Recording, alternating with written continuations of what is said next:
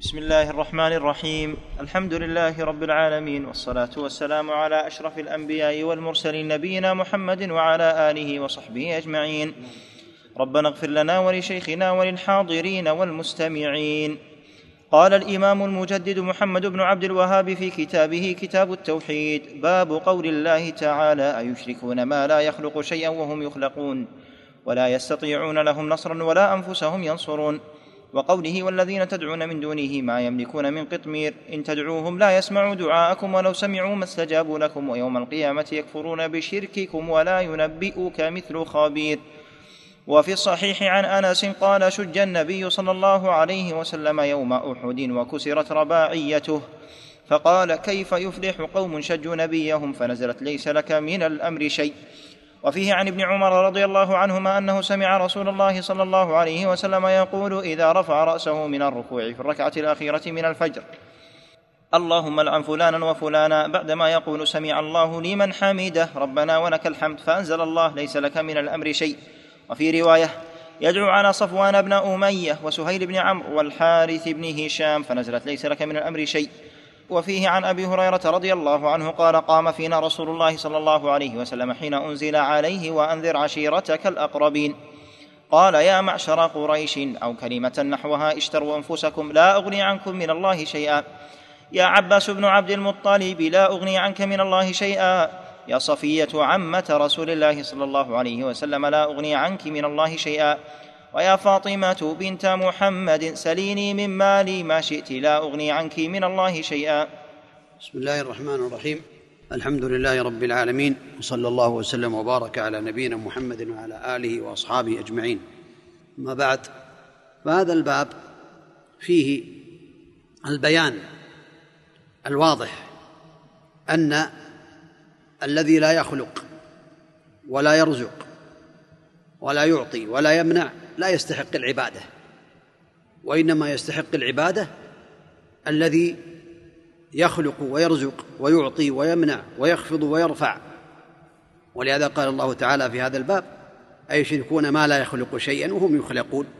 ما دام بأنهم لا يخلقون شيئا وهم يخلقون فكيف يستحقون العبادة ممن عبدهم؟ المستحق للعبادة هو الذي يخلق سبحانه وتعالى وهو الذي لم يلد ولم يولد ولم يكن له كفوا أحد ولا يستطيعون لهم نصرا. كذلك ما يستطيعون لهم نصرا سواء كان لأنفسهم أو لغيرهم. اذا هذا كيف يستحقون العبادة؟ قال تعالى والذين تدعون من دونه ما يملكون من قطمير. ما دام إنهم لا يملكون شيئا ولا حتى القطمير فكيف يستحقون العبادة؟ الذي يستحق العبادة هو الذي يملك كل شيء ويخلق كل شيء سبحانه وتعالى. والقطمير عبر فيه تبارك وتعالى. هذا ما يكون على النواة نواة التمر الغلاف الرقيق. هذا قطمير. يعني ضرب الله تعالى ذلك بالقطمير وانهم لا يملكون من قطمير وكذلك اللفيف. وهو الذي يكون الحبل الصغير الدقيق الذي داخل النواة والنقير وهو نقرة صغيرة في ظهر النواة. عبر الله تعالى عن هذا في القرآن الكريم بأنهم لا يملكون من هذا شيئا. لا قطمير ولا نقير ولا لفيف وهو كذلك القطمير ولا يملكون أصغر من ذلك ولا أكبر. وفي هذا الحديث من الفوائد أن النبي عليه الصلاة والسلام كسرت رباعيته عليه الصلاة والسلام وقال كيف يفلح قوم شجوا نبيهم؟ فنزلت ليس لك من الأمر شيء. فالنبي عليه الصلاة والسلام ما دام أنه بشر عليه الصلاة والسلام وكسرت رباعيته وكسرت البيضة على رأسه عليه الصلاة والسلام شجت وجنته فلا يستحق العبادة لا يملك لنفسه ضرا ولا نفع عليه الصلاة والسلام. وإنما يستحق عباده الذي لا ينقصه شيء بل الكامل من جميع الوجوه. وكذلك قوله عليه الصلاة والسلام اللهم العن فلانا وفلانا فقال الله تعالى ليس لك من الأمر شيء الله تعالى هو الذي يتصرف في مخلوقاته. ولهذا قال الله تعالى ليس لك من الأمر شيء وفي الحديث كذلك أن هؤلاء أسلموا في رواية يدعو على صفوان بن أمية وسهيل بن عمرو والحارث بن هشام فنزلت ليس لك من شيء. وأسلم هؤلاء الثلاثة. ولم يستجب الله تعالى دعوة النبي عليه الصلاة والسلام عليهم. هذا يدل على أن الله تعالى هو الذي يملك كل شيء حتى النبي عليه الصلاة والسلام. قد لا يستجيب الله دعاء في بعض الأمور لأن الله تعالى هو الذي يملك كل شيء وهو الحكيم هو أحكم الحاكمين. كذلك النبي عليه الصلاة والسلام حينما أمره الله تعالى أن ينذر عشيرته الأقربين عليه الصلاة والسلام فقال يا معشر قريش أو كلمة نحوها اشتروا أنفسكم لا أغني عنكم من الله شيئا. عم وخص عليه الصلاة والسلام بأنه لا يغني عنهم من الله شيئا. الأمور بيد الله فالذي بيده كل شيء هو المستحق للعبادة. أما النبي عليه الصلاة والسلام لا يغني عنهم من الله شيئا وإنما هو رسول عليه الصلاة والسلام مبلغ يبلغ ما أوحى الله تعالى إليه للناس. أما كونه ينفع أو يضر أو يعطي أو يمنع أو يخفض أو يرفع لا يملك من ذلك شيئا وإنما الملك هذا بيد الله تبارك وتعالى. هذا خلاصة هذا الباب. خلاصة هذا الباب أن الذي يستحق العبادة هو الذي يملك كل شيء وهو الخالق لكل شيء وهو القادر على كل شيء وهو الذي له الأمر من قبل ومن بعد. ليس لك من الأمر شيء بل الأمر كله لله تبارك وتعالى وهو الذي يهدي من يشاء وإنما الرسول عليه الصلاة والسلام هو يهدي إلى صراط مستقيم. وإنك لا تهدي إلى صراط مستقيم. الهداية هداية الإرشاد والتوجيه والتعليم والتبليغ. أما هداية التوفيق فهي بيد الله تعالى. هذا خلاصة هذا الباب ونستمع لخلاصة شرح الشيخ ابن باز رحمه الله تعالى تعليق مفيد. سم نعم. بسم الله الرحمن الرحيم. والصلاة والسلام على أشرف الأنبياء والمرسلين نبينا محمد عليه وعلى آله أفضل الصلاة وأتم التسليم. اللهم اغفر لنا ولشيخنا وللحاضرين والمستمعين. قال الإمام ابن باز رحمه الله تعالى في الباب الخامس عشر أيشركون ما لا يخلق شيئا وهم يخلقون؟ أراد المؤلف من هذه الترجمة بيان ما عليه أهل الشرك في عهد النبي صلى الله عليه وسلم عندما دعاهم وقاتلهم فيبين بطلان ما هم عليه من عبادة غير الله ممن هذا وصفه وبهذا الوصف فإنهم لا يستحقون العبادة وهذا استفهام للتوبيخ فهم لا يخلقون حتى النملة بل هم مخلوقون فكيف ينفعون غيرهم؟ فهم إما جماد لا يعقلون أو أحياء لا يسمعون أو أموات لا يجيبون من دعاهم. لا يسمعون كمن يدعو الغائب وليس بحاضر أو جماد لا يعقلون كالأصنام وغيرها. بعضهم يعني يأخذ تمرات ويأكل يعبدها ثم إذا جاع أكلها.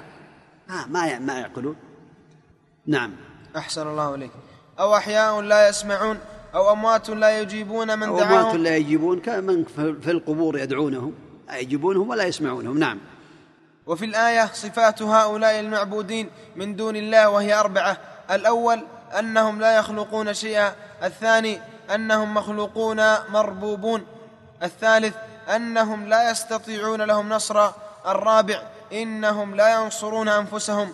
وقوله تعالى والذين تدعون من دونه ما يملكون من قطمير وصف الله آلهتهم بأربع صفات بأربع صفات كذلك. الأول أنهم لا يملكون شيئا حتى القطمير.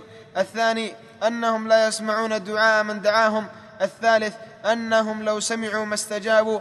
الرابع أنهم يكفرون يوم القيامة بشرك هؤلاء. فهذه حالة المشركين وإنهم خسروا الدنيا والآخرة. وفي الصحيح عن أنس قال شج النبي صلى الله عليه وسلم يوم أحد وكسرت رباعيته. فقال إلى آخر الحديث فإذا كان هذا أفضل الخلق وأقرب الناس منزلة وأفضل الأنبياء لم يستطع أن يدفع عن نفسه ولا عن أصحابه وهم أفضل القرون. وإذا كان كذلك لم يستحق أن يعبد من دون الله ويشرك به معه.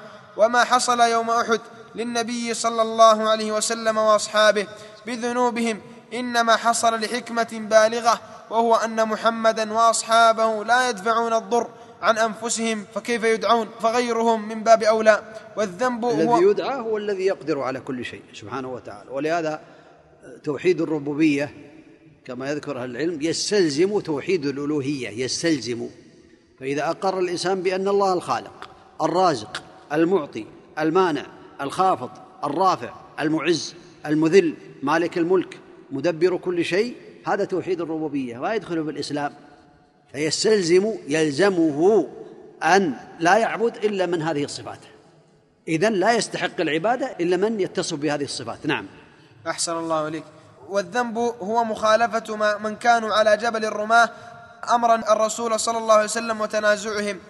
وحديث ابن عمر أن أنه يعني سمع خالفوا أمر النبي عليه الصلاة والسلام ونزلوا ظنوا بأن النبي عليه الصلاة والسلام قد نصر وأن الكفار قد هزموا.